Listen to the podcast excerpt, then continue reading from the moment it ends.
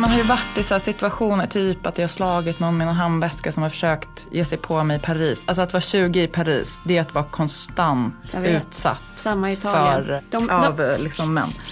Sådana där ju- ljud gjorde de i Italien. Som att man var en katt. Miau.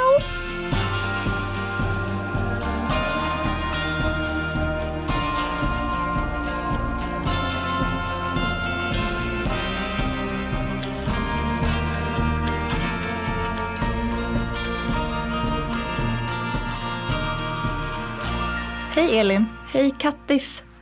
Tack för en underbar fest i lördags. Visst var det kul? Var så himla roligt. Jag är fortfarande liksom lite hög på det. Ja, jag förstår det. Och det känns som att massa saker jag har suttit och sagt här i, i podden som att jag har dåligt kompis självförtroende och så är som bortblåst. Men gud, grattis! Mm. Skämt åsido att jag skrattar åt det nu men det var faktiskt nog den största presenten var att jag mm, dels men man har druckit lite granna på en fest så kom mitt gamla så här, tjejkompisgäng fram eller i olika omgångar. Men det var en tjej där som jag har känt länge som bara jag har lyssnat på den här podden och jag blev ledsen. Jag behöver inte härma henne med gråtröst men det var den stämningen. Ja. Därför att hon hade lyssnat på där vi pratar om vänskap och vad jag tror att du har så helt skild bild av hur du är som kompis och uppfattas som vän än hur du är i verkligheten. Det var fint. Och så var det en annan som här precis, du vet, kvart i ett innan hon ska hoppa in i bilen bara, jag vill bara att du ska veta att när min son föddes, då var du den första jag ringde. Eh, när jag var Gud, nu börjar jag grina i här. LA så var du den enda som skickade fysiska brev. Så det var, jag fick så här, de gav mig eh, massa kärlek. Gud, det är ju underbart. Alltså, jag blir jätterörd här. Men det var jättefint. Och det var ju kul också, även om jag inledningsvis, festen började vid två. Och då var det liksom lite segt i starten, så här, vi var klara långt i förväg. Gud, när händer det? Aldrig. Och det var väldigt skönt därför att min svägerska Julia och hennes barn Noah och Aquilla och Aquillas kille Francie, de bor på Filippinerna i vanliga fall. Ja. Men de var ju där och hjälpte till med allt från DJ till maten. Mm, som var underbar. Ja men det är Julia det. Eh, Men hon höll ju på att rodda med liksom snittar och sånt medan jag hade lyxen att bli sminkad av Fanny från Little Factory. Och jag, alltså, jag var, det var ett tag när det pågick, alltså det hade pågått ganska länge makeup. Och Julla liksom bankade runt i köket så kände jag så här. Så då var det skönt att vi blev klara i tid. Men då i början när gästerna droppade in så märkte jag liksom att jag typ backade in i skuggan av ett träd och stod och tryckte. Men när vi kom vid typ tre, då hade du i alla fall rört dig fram Ja. mot eh, entrén. Ja, för jag kom på mig själv i skuggan av ett träd att så här, vad gör du här? Du är ju värdinnan, fram med dig. Ja, exakt. Ja, men det blandade, är de här rösterna du vet i huvudet. Men sen bara njöt jag så in i bomben av den här festen. Ja, vad bra. För det tänker jag annars är så här, äh, det är så lätt att stressa upp sig. Så att, man, att man knappt ens hinner fatta vad som hände och så är det över. Exakt. Helt sjukt faktiskt att jag var där och då. Ja. Och, och så där och då kom ju du och Jacke cyklandes. Ja, det gjorde vi. Vi körde ju liksom med våra elcyklar. Först var det underbart, vi åkte genom Nackareservatet och det var så här, em, liksom den vackraste sommardagen. Sen plötsligt svängde vi av mot någon eh, skjutbana och åkte på någon så här extremt stenig, eh, bumpig... Hur gick det för dig? Hur gick det? Då hade jag ändå en ganska liksom baraxlad Jag tröja tror väl att det jag. första jag sa till dig var att liksom mina boobs blev lite misshandlade där. Ja, Eftersom jag inte hade något stöd för dem riktigt. nej. Mm, men Jag jag var aldrig. mest glad att inte cyklarna la av mitt där i. nej. men ni såg internationella ut och häftiga på något sätt.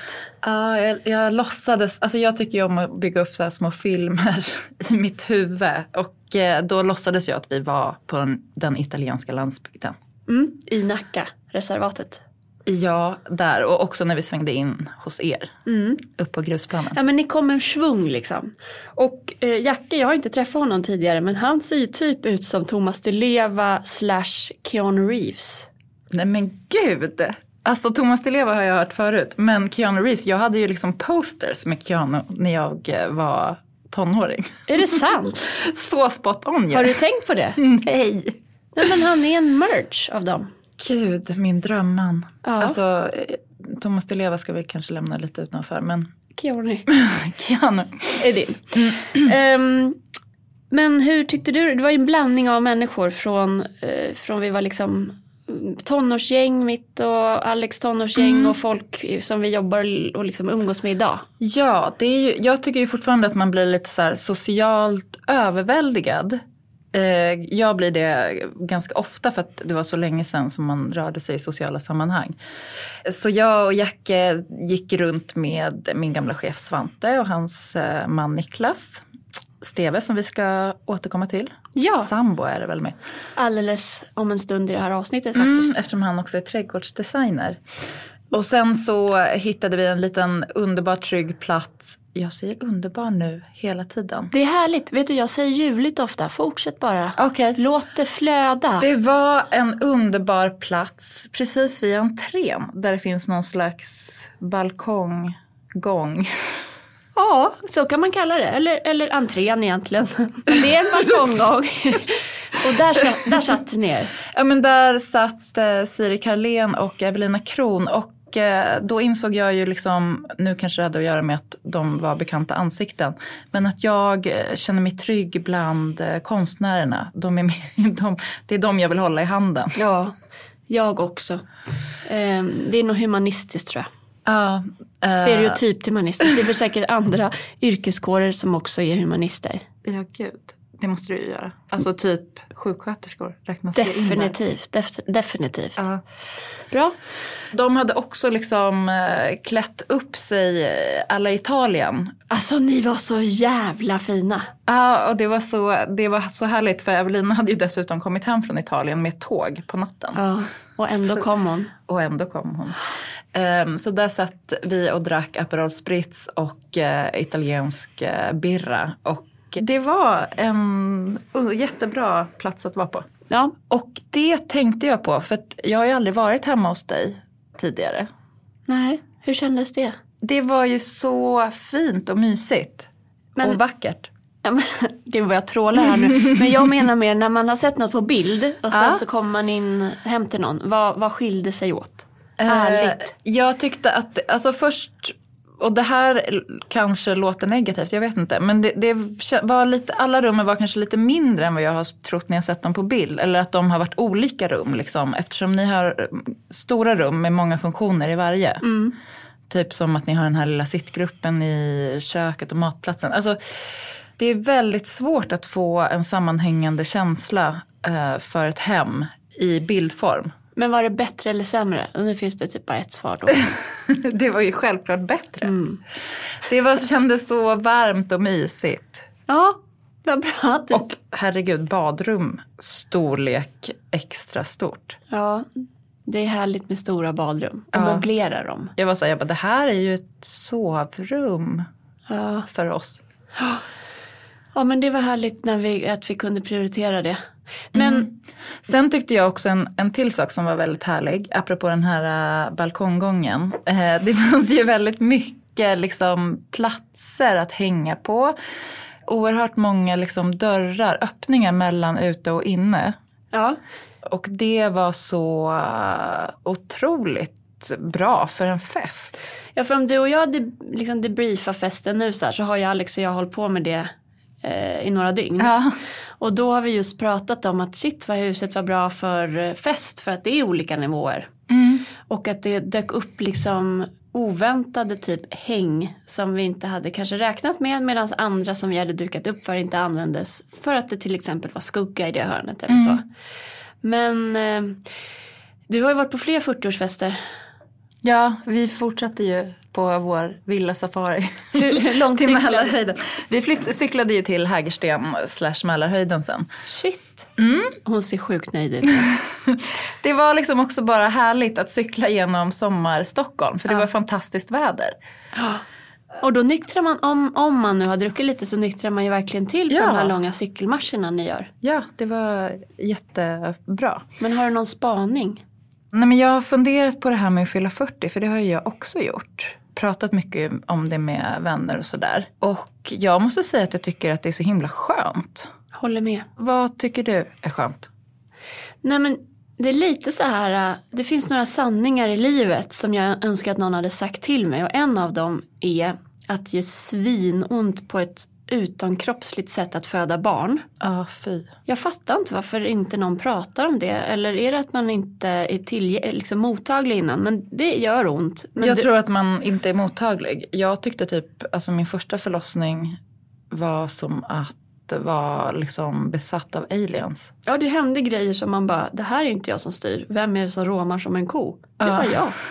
Men det, varsågod nu fick ni den informationen och den nästa är det blir roligare vid 40 och det här är inte någonting som sorgliga människor säger, det är så.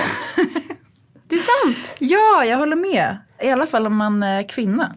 Det är sant. Är det inte så att eh, kvinnors sexualitet pikar typ däromkring?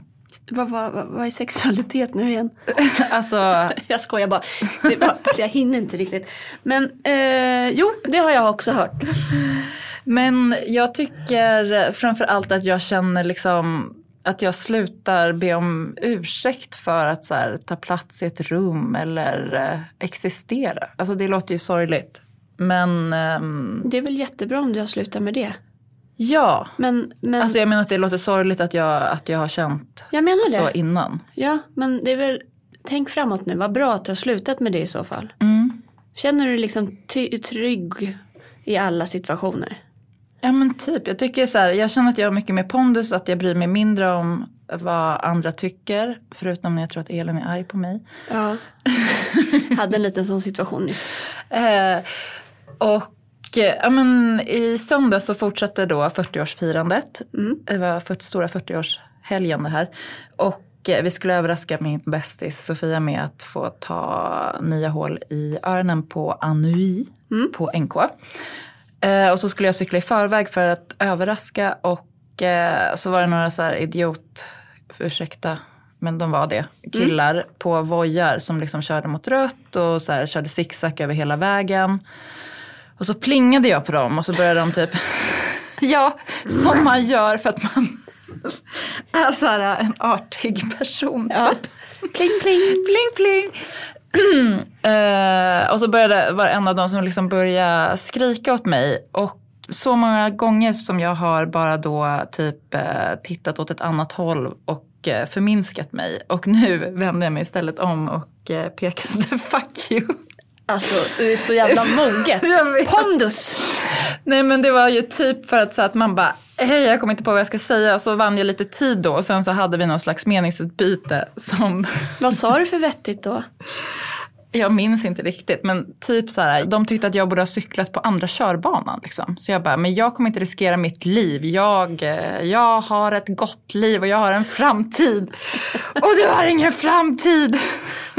Varpå han bara så här, nej jag har ingen framtid. Och sen så bara så här blev han tyst och så svängde vi av åt olika håll. Men och då du- kände jag att jag vann. Ja det gjorde du. Men nu när vi pratar om det så skrattar vi ju. Men kände du dig lite skärrad efteråt? Eh, ja, fast mindre skärrad än... Alltså man har ju varit i så situationer, typ att jag har slagit någon med en handväska som har försökt ge sig på mig i Paris. Alltså att vara 20 i Paris, det är att vara konstant utsatt för, eh, De, av de, eh, liksom män. sådana där ju- ljud gjorde de i Italien. Som att man var en katt. Miau. Gud, det är så Det är vidrigt. så jävla sjukt. Ja, det är så sjukt. Nej men jag tror, man kan tänka sig att jag för att eh, människor jag umgås med tror jag tror att jag inte är konflikträdd för att jag säger vad jag tycker.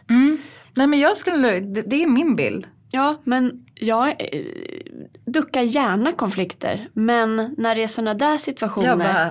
Eh, nej, men, är du säker?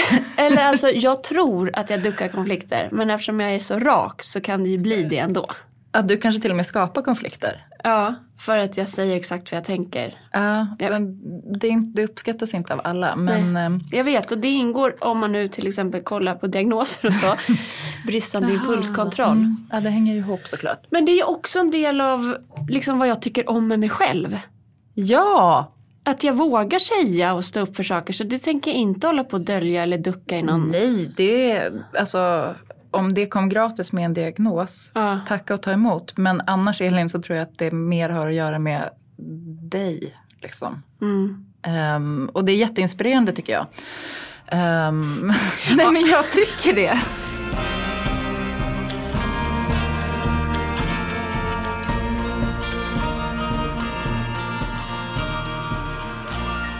Det här med pondus, det tycker jag i alla fall är en enorm vinst med att fylla 40. Verkligen. Mm. Och killar, om ni inte känner den vinsten, sorry. det är vår tur nu. Nej men Alex fyllde ju 50 jag tror att han hade liksom Han har ingen sån här 50-årskris eller ingen av oss har krisat någonting utan mer känt att livet blir bättre och bättre och att man oavsett kön liksom faktiskt Nu känner jag så här, ni har köpt en lägenhet i Italien och ni har köpt ett stort hus. Kan inte det vara ett sätt att krisa? Ja, jag tror att båda grejerna gjorde vi så här innan. Det är lika bra man gör nu innan vi dör. Ja, jag kan faktiskt känna att det är lite dödsångest. Att det är kopplat till det. Plus, Ja. plus att min svåger Leo alltid säger så här. Det är runt 40 man ska eh, liksom köpa och investera. Sen ska man eh, casha hem. Jaha, gud vilken bra... Fler saker man, man borde veta alltså. Ja, exakt. Men eh, såg du ändå liksom mixen av grannar och sånt där? Såg du Pagrotsky till exempel? Nej. Men det kanske är för att han är så kort. Tror- nej, nej, han var inte Förlåt. där. Jag skojade bara. Det var liksom... Han Men det var typ den mixen. Att så här, det hade inte varit konstigt om Paggan var där. Nej. Vet, vet att jag har gjort ett semmeltest med honom en gång. Bara för att han skulle få grädde i skägget. Kommer du ihåg när, när han hade, var kulturminister tror Ja, jag, och, hade, och liksom odlade det här kulturministerskägget. Ja, vad då gjorde du detta? Jag jobbade på Metro och vi skulle göra årets semmeltest. Och så fick vi med honom på det. Det var kul. Var det då ni pratade om att han var kort? Men vi har inte pratat om att han var kort. Det, Men- var, det var en reflektion för att det, inte, det finns ju många ställen på eran tomt och så där man kan försvinna då tänkte jag. Tror du att det är okej? Tror du att det är okej att vi pratar om hans längd? Tror du han vet om det? Alltså, jag tror att han lever i sin kropp, vad ska jag säga? Okej. Förlåt, ja, det är ingen värdering i detta. Nej. Vi går vidare tänker jag. Till uterum. Det var ju verkligen världens bästa kurragömma eh, hus och tomt. Ja men det är det. Ehm, och eh, en som är bra på hus men framförallt tomt är ju Niklas Steve och Villa Sundahl. Ja. Och vi har ju bett att få ringa upp honom och prata lite grann om hur man ska tänka kring tomt och uterum eller balkong kanske, om vi hinner med. Gångbalkong. Ja, en liten gång. Balkonggång. gång. Eh, för att eh, det är inte så lätt, även om man tycker att man är bra på inredning eller kanske inte tycker det, eller känner att man gillar trädgård. Var ska man börja och hur gör man? Ja, fruktansvärt svårt. Nu ringer vi. Hej! Hej Niklas! Hej. Hur mår du? Nej, men jag mår bra. Jag har dragits med en, en sån där trist eh, försommarförkylning ett par dagar. Och då, då blir jag så där uttråkad av att sitta still. Och Svante säger att jag ska vila mig och det är det tråkigaste jag vet när jag vet att det finns hur mycket som helst att göra ute i trädgården. Så då blir jag nästan provocerad. Vad gör du då? då? Nej, men då eh, tar jag en tre och så smyger jag ut en stund. Men jag känner att jag behöver ta det lite lugnt. Ah, okej. Men det går åt rätt håll. Bra. Vi träffades ju hemma hos Elin och Alex i lördags. Ja, jättetrevligt. Hade ni kul? Ja, Vad bra. garden party. Det är någonting, alltså jag tror att det, det är verkligen det som gäller. Eh, att ses, umgås i en trädgård, eh, ett öppet hus, trevliga människor, god mat. Alltså vad kan man mer begära? Jag var ju lite pirrig att du skulle komma eftersom du har varit i trädgården och sett hur det såg ut liksom, när det var riktig Beirut. Och det är inte så att det är klart nu, men är det godkänt ändå? Alltså jag tycker att ni har gjort fantastiskt och jag, jag följer ju dig väldigt noga och ser allt du gör. Och jag tycker att du har sån, du är så otroligt hängiven och att jag kan liksom, jag känner mig riktigt stolt. Alltså jag tror inte att jag har inspirerat dig så mycket till det just, men alltså att det här att du gör så mycket i trädgården Elin, jag tycker det är fantastiskt. Åh. Du inspirerar mig hela tiden. Och jag har också inga så filter så jag börjar nästan grina. Men det ska jag inte göra. Vad kul! Men berätta, om man nu står med en trädgård eller har köpt ett hus eller man har en trädgård som man känner, nej men den här, behöver, den här trädgården behöver lite mer kärlek. Hur kan man närma sig sin trädgård då? Hur ska man tänka? Jo, men alltså om jag kommer till en trädgård för första gången och ska titta på den och komma med några tankar och råd hur man kan arbeta vidare med den, då försöker jag verkligen titta på helheten. Alltså vad finns där idag? Vad kan man eventuellt ta bort? Och vad kan man eventuellt lägga till för att få den här helheten? Ja. Och, och är det en äldre trädgård så att säga, då kan det ju finnas många delar som man verkligen vill bevara. Man kanske vill föryngra vissa delar som har fått växa sig för stora och sådär. Till exempel murgrönor. Eh, till exempel murgröna som tar över hela livet och huset. Det, det, det händer ju så lätt för att jag menar att, att jobba med trädgård det är ju liksom att jobba med naturen men också mot naturen för att naturen vill ju verkligen den vill ju ta över allting. Den vill ju växa liksom överallt. Ja. Gud, det låter nästan lite obehagligt Niklas. Jag tänker på, Sev- vad heter den här... ehm, Det finns någon skräckfilm som jag tänker på också.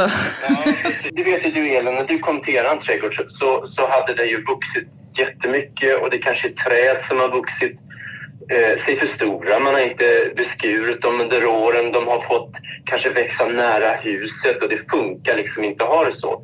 Då måste man ju göra något ganska drastiskt och kanske eh, ta ner ett träd eller i alla fall kraftigt beskära det. För det tycker jag känns så som en sån läskig grej. Alltså de här uh, hundraåriga varelserna, att man ska liksom ge sig på dem. Mm.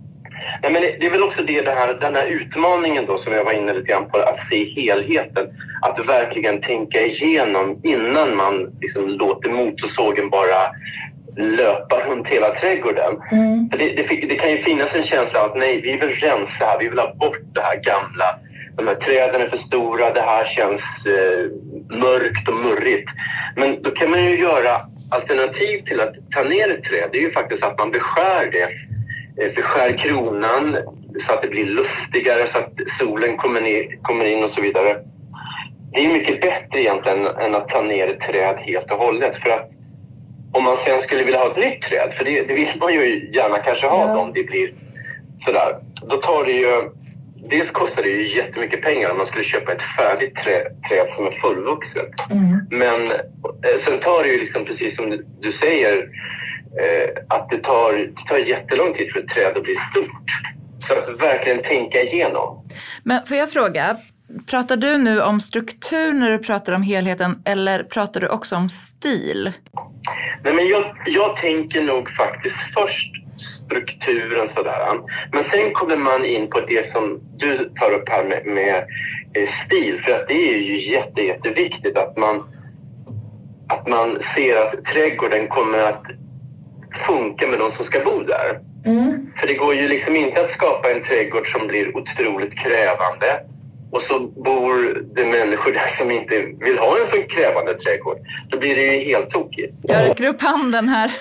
Alltså jag vill ju liksom ha en fantastisk trädgård men, men just nu i li- alltså jag har också bestämt mig för att jag ska vänta tills jag är efter 50 och barnen är lite större. Men, men under tiden så vill jag ju ändå liksom kunna njuta av trädgården. Ja, men då får man, då får man verkligen så här, tänka, hitta någon slags balans så att det blir eh, okej och sen så känna att det ändå blir eh, det här lite pirret med att ha en trädgård. För att man vill ju ha det här vackra och man vill att det ska växa och, och, och prunka i rabatterna och man kanske vill ha bärbuskar och sådana saker. Men att det blir, det blir ändå en, en balans. Men mer konkret, alltså jag blir helt förvirrad när ni pratar både struktur och stil och sånt där. Även förlåt. Jag, nej, men, jag, jag förstår begreppen men mer konkret. Vi har, vi har Ulla och eh, Karin som flyttar till ett nytt hus. Och så tar de in dig Niklas och så man skulle kunna säga att det är eh, en, eh, en va- en vanlig trädgård som inte fått kärlek på länge. Vad, vad börjar du liksom, eller vad, finns det några sådana här allmänna råd förutom att ett, kapa inte ner träden direkt. Finns det något mer Finns det sådana? någon checklista? Ja, men då skulle jag verkligen så här. Jag skulle först ta kanske eh, en stund i trädgården. Eller man behöver ju man behöver egentligen titta på en trädgård under ett helt år för det händer ju så mycket under en trädgård. Kommer jag till en trädgård i, i mars, april då kan den ju se ganska kal och ut eftersom inte det har kommit igång med växtlighet. Och kommer man dit i augusti, september så är det ju kanske någonting helt annat. Så man måste ju titta på en plats återkommande kanske under ett helt år. Men då tänker jag att ett tips är om man nu under det här första året vill ändå få börja med trädgården att man satsar på krukor. Absolut, det, det, det, kan, man, det kan man absolut göra. Krukor är ju verkligen det här, äh, det går snabbt. Det, man kan äh, ha både träd och perenner och, och lökväxter och allting i kruka. Så det kan ju bli som ett komplement under det här första året. Mm. Men jag tror att det är viktigt att, att för att ge den här trädgården och platsen en, en ärlig chans så tror jag att det är viktigt att se den under flera tillfällen under ett år. För att det kanske i, visar sig i juni, juli att det kommer de mest fantastiska pionerna som man inte ens såg skymten av i eh, början på april eller i mitten på april. Mm. Och så kommer det rosor som växer och, och allting tar plats. Så man, man måste se en trädgård under en längre tid för att kunna se vad ska vi behålla, vad ska vi ta bort och så vidare. Jag tänker också att det kanske är bra liksom att på samma sätt som när man flyttar in i ett hus, att, att det är bra att känna in lite grann hur man rör sig på en plats. Alltså vart vill man vara under vilken tid på dygnet typ? Absolut. Vad tråkigt allt det här låter, att man måste vänta ett år. man ska inte vänta, man ska njuta under tiden också. Och det är självklart så här, eh, det är en annan sak där som jag tänkte igenom då, att det här att vad gör man först i trädgården? Det gäller också att inte vara sentimental och tänka liksom att åh, den här lilla fantastiska ensamma rosen som har kommit här, den måste jag få behålla för den, den, den, är säkert jättevacker. Utan man måste också göra radikala ingrepp och bestämma sig för att nej, men nu tar vi bort det här. Vi ska göra en um, uteplats här och då ryker de där buskarna eller då måste vi plantera om och möblera om så att säga. Så att det gäller att både gå fram men ändå vara lite varsam.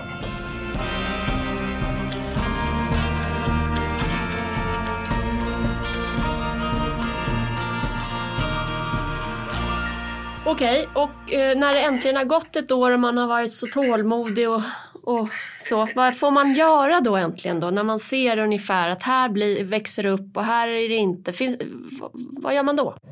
Ja, men då ska man ju såklart äh, börja agera och det, det, gäller ju liksom att om man ser direkt när man kommer till trädgården. Äh, det här syrenbeståndet till exempel, det har blivit alldeles för stort. Vi behöver liksom föryngringsbeskära det.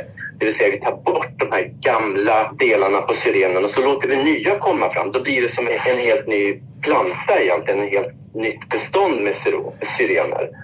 För att, eh, det, och det gör man ju under olika tider på året. Så att man kan ju hela tiden göra någonting. Det är inte så att man ska gå runt, vara stilla och inte göra någonting under det här året. Man får liksom arbeta och ta i. Annars blir jag tokig. Ja, men absolut. Så självklart. En fråga där. När får man beskära syrenen? Eh, syrenen tycker jag att man ska beskära sent på hösten. Då, då är det bra att, att föryngringsbeskära syrenen. Och jag har en kompis, jag frågar åt en vän, men buxbommen då? buxbommen, den ska man göra nu före midsommar. Jag ska hälsa henne det. Ja. Ja, ska du inte göra små skulpturer av den också? en, jag ska göra en grekisk gud. Ja, en skulpturpark som du håller på att jobba med. Ja. det kan bli något. Till slut är det som med luggen, att den bara blir bredare och bredare och bredare och så är det bara en lugg istället för en frisyr. Okay. Så, så allt, allt man har i sin, i sin, i sin trädgård, jag menar alltså, man har fantastisk buxbom, buxbomshäckar. Det kan man ju göra första året. Man behöver ju inte gå och titta på buxbommen och tänka det ska jag klippa om ett år. Utan det gör man ju så, så fort man bara ser att okej, okay, den här behöver jag trimma lite grann här. Det är de här stora ingreppen, om man ska ta ner träd och man ska gräva bort stora buskage och rabatter. Det är sådana saker som kan vara ganska klokt att, att vänta och se vad händer och vad, och vad, väx, vad kommer att växa där. Mm. Mm. Jag, jag som gillar så här snabba resultat och eh, enkla ingrepp. Har du, man kan ju jobba med andra element. Du pekade till exempel ut de här kattskallarna hemma hos Elin. Pratar ni om mina kattskallar? Vi kollade in dina kattskallar. De, eh, nej men kattskallar, det var faktiskt en person som jag jobbade hemma hos som, som blev lite upprörd när jag sa kattskalle för att jag tyckte det lät så, så eh, burdus sådär och prata om en kattskalle. Nej, men kattskalle, eller kullersten, eh, det kan man ju lägga mellan, eller liksom precis intill husgrunden för att lätta upp den delen istället för att ha grus eller någonting annat. Man ska ju helst inte plantera någonting precis nära huset för att rötter och så kan växa in mot grunden och så. Men att ändå ha något, lite liv där så är det väldigt trevligt att ha lite kullersten eller kattskallar. Det där var ju en sån där sak Niklas som du sa i förbifarten när vi gick runt. Och sen mm. någon månad senare hade jag ju beställt tonvis med kattskallar. det är det som är så underbart med det tycker jag, att det bara händer. Det kommer en Ja, det kommer liksom ett tonvis med kattskallar bara för att man behöver ha det. Ja. Mm. Det är ju helt fantastiskt. Det är bra, bra träning. Ja, man kan ju också säga mellan kattskallarna eller mellan eh, om man har som du också har Elin, du har mycket så ölandsten och om, om det är en bred fog där mellan stenarna så kan man också plantera in olika växter som trivs att växa där. Man kan ha eh, kryptimjan till exempel som, som, som, tycker om att växa sådär mellan olika ja. material och då blir det, mjukar det också upp lite grann. Gud, jag fick ju sånt, vi fick tips här på Hemtrevligt-podden tror jag. Eh, Hemtrevligt-podden är vårt eh, Instagramkonto. Efter att jag hade varit på Millesgården. För där i trappan, stentrappan, så växer det någonting som jag nu har tappat namnet på. Kan det vara murreva? Murreva, exakt. Alltså, och det var ju så vackert. Men vänta, vart ska jag sätta den nu då? I så fogar. Jag kan skicka en bild till dig Ellen på det. Så kan ni, för vi har, man, det räcker alltså man får en liten tufs av den här fantastiska växten. Och den trivs ju då alltså att växa mellan stenar i en mur eller precis så här som, som du sa där Kattis, mellan eh, stenar på marken så, så trivs den här att växa och det blir som små lila färgade blommor och så, så slingrar den sig runt. Även maskrosor gillar ju tydligen att växa bland stenar. Ja, och det gillar man ju inte. Men hur ska man förhålla sig till ogräs? Ja, alltså jag är ganska hård mot ogräs. Alltså jag tycker inte att det är snyggt att ha ogräs mellan, mellan plattor till exempel. Vi har betongplattor här och då i fogarna där så kan det komma Eh, både maskrosor och andra eh, små växter. Och jag rensar ganska rejält. Och gör man, rensar man alltså noggrant mm. i början av säsongen så håller det sig ganska bra. Vi har jättemycket gräs i våra betongplattor. Men det är bara att dra upp. Vi måste ja, ta det, oss det tid. Bra eh, arbetsredskap och sen så liksom får man ha eh, en trevlig podd i öronen. Exakt. Nämner ingen. Så, så går ju den där stunden ganska fort. Men, men det, är liksom, det är det som är med trädgård. Alltså, vissa saker måste man göra för hand och det tar sin lilla tid. Men sen blir det ett fint resultat. Mm. Har du något annat som är sådär, kanske inte trend utan eh, go-to-växter som du gärna rekommenderar när man vill börja förändra en trädgård eller göra den till sin? Alltså, jag tycker det är bra att tänka liksom på, om man väljer en perenn, att den är vacker en längre tid än bara när den blommar. Mm. Och då finns det många växter som har ett väldigt vackert växtsätt. Jag tänker till exempel på en trebladsspira. Mm -hmm. jättevacker perenn som får vitrosa, alltså som en brudslöja nästan, som, en, som ett flor med eh, blommor. Det är väl ungefär 50 eh, centimeter hög. Mm. Eh, lite så här buskig sätt att växa.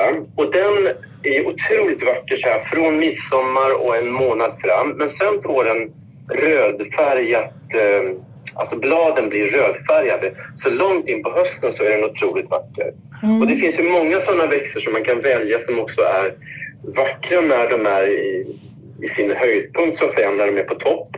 Men också sen har ett vackert bladverk eller andra egenskaper.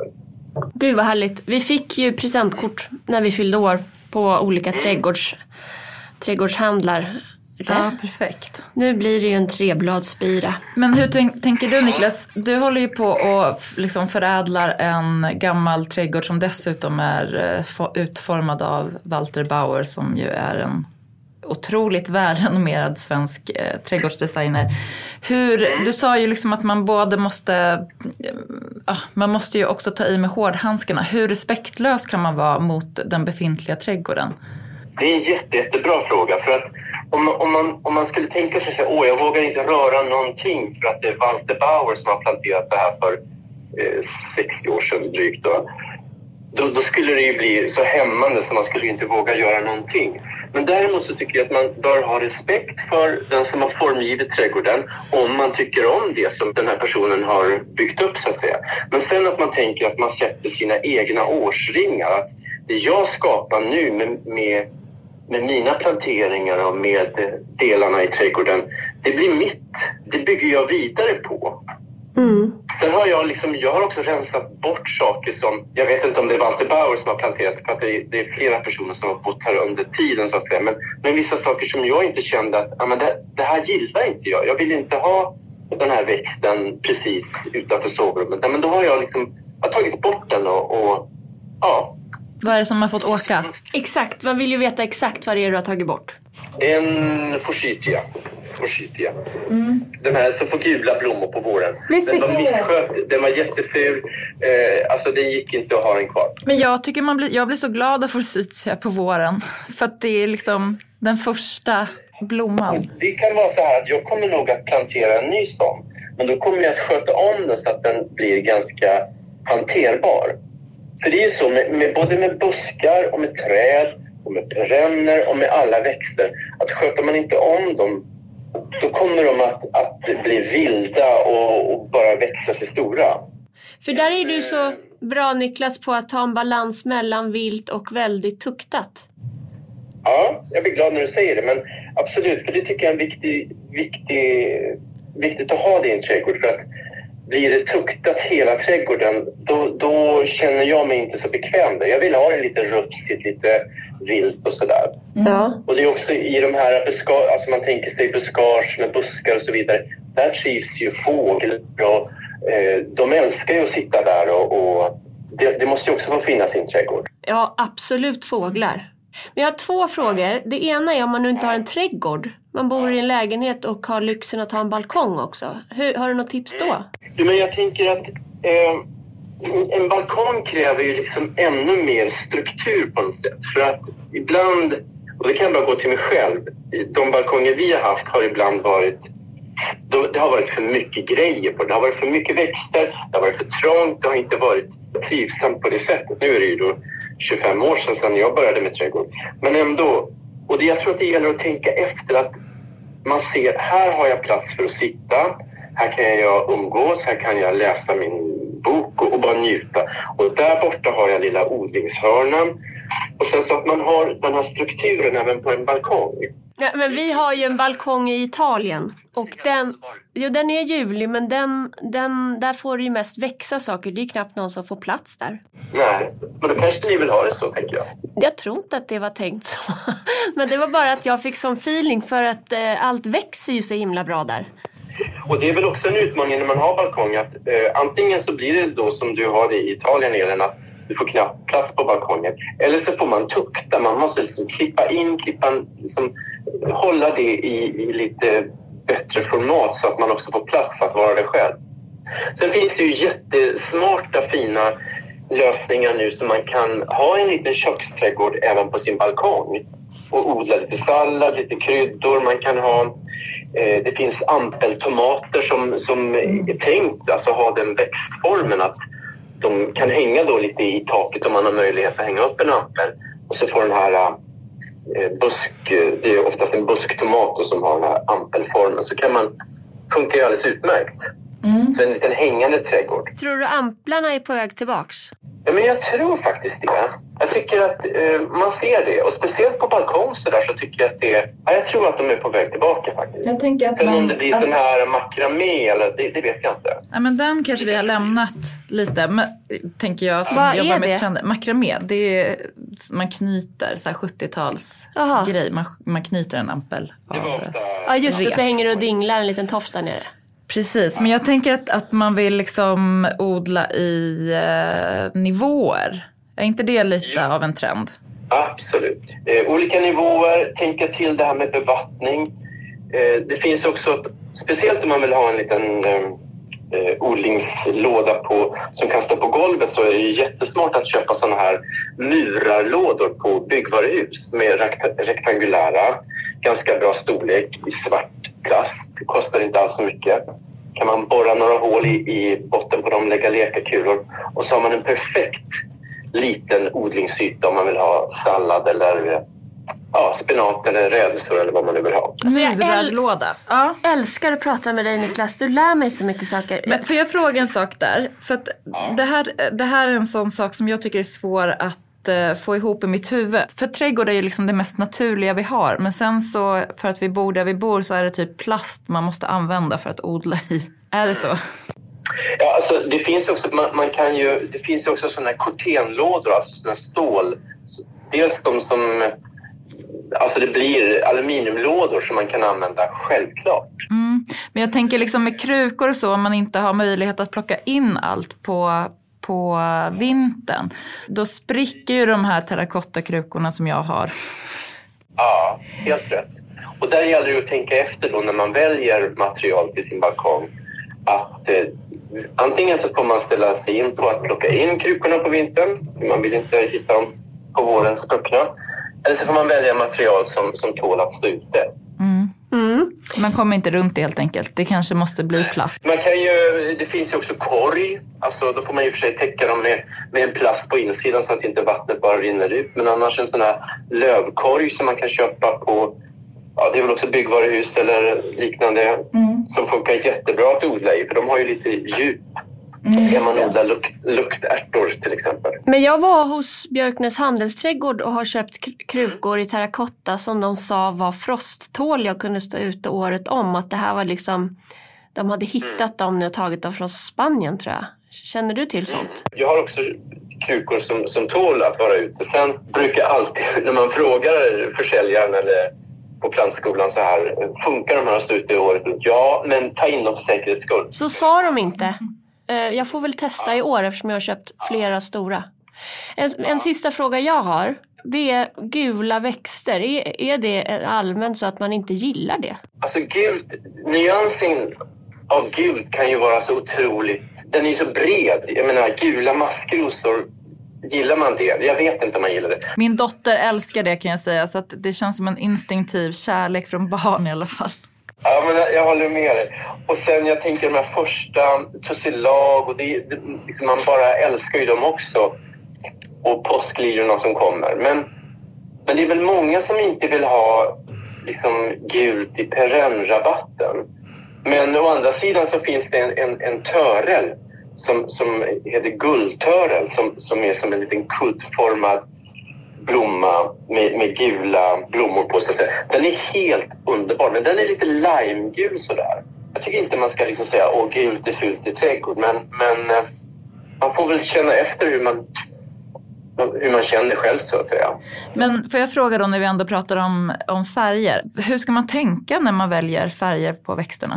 Ja, alltså jag, jag tycker att det är väldigt skönt att ha en grön bas. Alltså jag tycker det har olika gröna nyanser i trädgården, både på buskar och på bladverket på, på perenner. Sen tycker jag att det är väldigt fint när man lägger in eh, perenner som har en, en mörkröd, nästan svart ett bladverk. Det finns den här perennen som heter höstsilverax, simisifuga, som är helt fantastisk i, sitt- i sitt bladverk Eh, och får eh, vita kolvformade blommor, doftar underbart på, på sensommaren.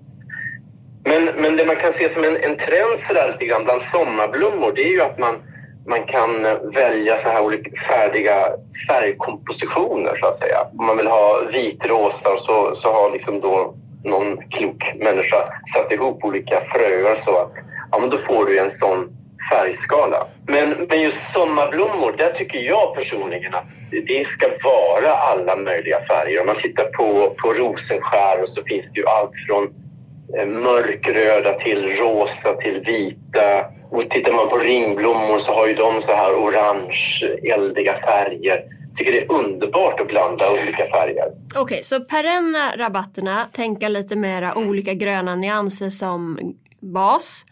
Men eh, sommarblommor, där kan man gå rock'n'roll. Ja, sen tänker jag liksom, det är många också som, som uppskattar pioner. Och det är ju samma sak där som ungefär med sommarblommor. De finns ju i en mängd olika färger och, och så vidare. Så att där måste man väl också känna själv om man, hur mycket färg man vill ha i sin trädgård. Men Jag älskar färg. Tycker du om pioner? Ja, jag tycker om enkla pioner. Förut så tyckte jag om så här dubbla pioner som var så här stora, fluffiga bakelser. Men nu tycker jag att de här enkla, de känns...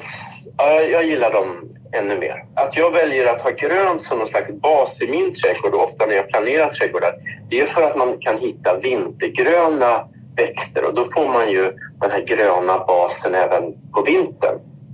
Om man tittar på idegran, buxbom, liguster till viss del, en bokhäck sådär, då, då behåller man ju de här färgerna även när det inte är högsäsong i trädgården. Just det. Nu känner jag att jag behöver lyssna på det här poddavsnittet när det släpps och skriva upp allt du sa. Ja, verkligen. Ja, det får återkomma. Ja. Men tusen tack Niklas för tips och eh, att vi fick ta del av din härliga hjärna. Ja, men jätte, jätteroligt att få vara med, så tack för det. Ja, men tack Niklas. Jag har fortfarande tusen frågor, men du kanske får, får svara i vår Insta-kanal eller något.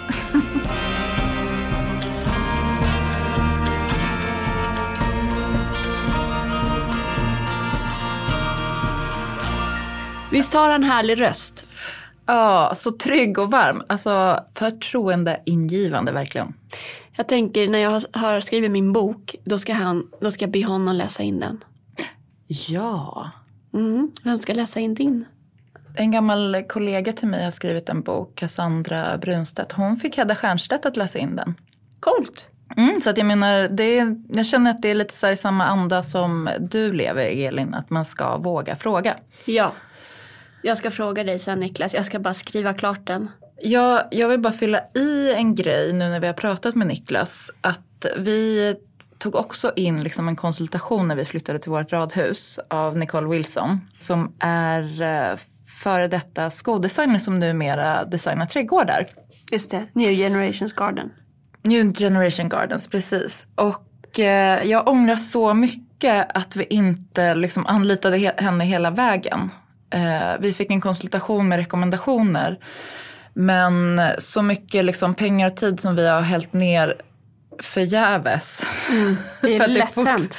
det är fortfarande så här, man måste typ kisa för att det ska se okej ut. Men varför, varför um, följde ni inte? Varför? Nej men alltså vi, vi borde liksom ha lagt lite mer pengar i början på att få en ordentlig ritning. Och eh, den här tydliga strukturen som vi pratade med, om, med Niklas om. Just det. Eh, så jag skulle faktiskt tipsa om det. Ja. Gör inte samma misstag som vi gjorde. Nej, det är lätt hänt tänker jag med trädgården att eh, nu när det ska, liksom vi, vi spå, spånar här och tror att det finns en trend som kommer att det är nästa steg att man bara kan freestyla då och eh, bara gå på känsla. Men om man saknar känslan eller kunskapen om vilka växter som passar var och Ja. läge och så, så är det ju lätt hänt att det går åt massa växter och sånt som bara dör. Exakt. Och det är inte kul. Eller man bara, den här marktäckaren som täcker en centimeter. Ja, inget kul. Nej. Just nu så är det ju eh, Salone i Milano. Salone di Mobile. Ja, jag, jag blir lite avundsjuk. Jag också. Jag är ju inte där uppenbarligen eftersom jag sitter här. Ja. Eh, och för att jag eh, faktiskt, det är lite så här ett halvt statement att jag inte vill flyga. Är det sant? Ja. Och inte åka tåg heller då? Jo men jag skulle jättegärna åka tåg men det är bara så här när man har små barn och, och så så vill man ju vara borta så kort Ja, tid. Man vill maxa tiden liksom. Emma Olbers eh, designer hon åker ju alltid tåg ner till Milano och det verkar gå jättesmidigt när jag Mm. har pratat med henne. Men skönt att du får säga här i podden att det är ett statement som någon ser det. Alltså jag förstår att det är därför du inte är där. Det är inte bara så här eh, internt på jobbet. Eh, men eh, det ser så underbart ut och det är liksom sommar där. Men det är väl faktiskt den enda grejen då eftersom den här brukar ligga i april. Ja. Alltid typ firar Emma Alltså- sin födelsedag där. Och blåregnets tid. Ja, Jag skickade till min kollega, jag bara, åh, jag vill se massa bilder på blåregn. Hon bara, de har nog blommat över nu. Exakt, och det är väl om man tänker så här vad som hände efter corona och att saker har flyttat fram så är det bättre tycker jag när Design Week i Milano ligger där på våren och att Ja, man får med. möta våren där. Ja, det är härligt. Men det är ett stort gäng som är nere från Sverige och resten av världen. Ja, Så jag tänker att vi behöver göra någon slags spaning. precis. Och nästa vecka åker jag ju tåg då till Köpenhamn. För då är det något som heter Three Days of Design som är eh, Köpenhamns designvecka. Som är liksom, det är ingen stor mässa utan det är eh, olika events på stan. Ja, kul. Då måste du göra en liten spaning för Hemtrevligt-podden. Ja, det gör jag också. Är det liksom på uppdrag av L eller för dig själv eller hur? Nej men det är primärt på uppdrag av L. Ja, och nästa vecka ska vi faktiskt prata om våra eh, jobb och karriärer lite grann. Ja, precis. Det passar väl. Ja, Jag tänker också att det är så här äh, inför sommaren. Det är då man har tid att fundera över sin karriär och sitt liv. Och om man vill ändra riktning så är det skönt att liksom ha en lucka av tid att tänka. Eh, eller om man står så här, man har precis eh, pluggat klart eller att ta någon slags riktning åt något håll. Mm, jag vet ju ingenting om hur du hamnade där du, du är idag. Det ska bli jättekul att höra. Det, det ser jag fram emot på riktigt att få Ja, höra. Din också. story också. Tills dess så får ni ha en härlig fredag. Ja, ha en jättehärlig fredag.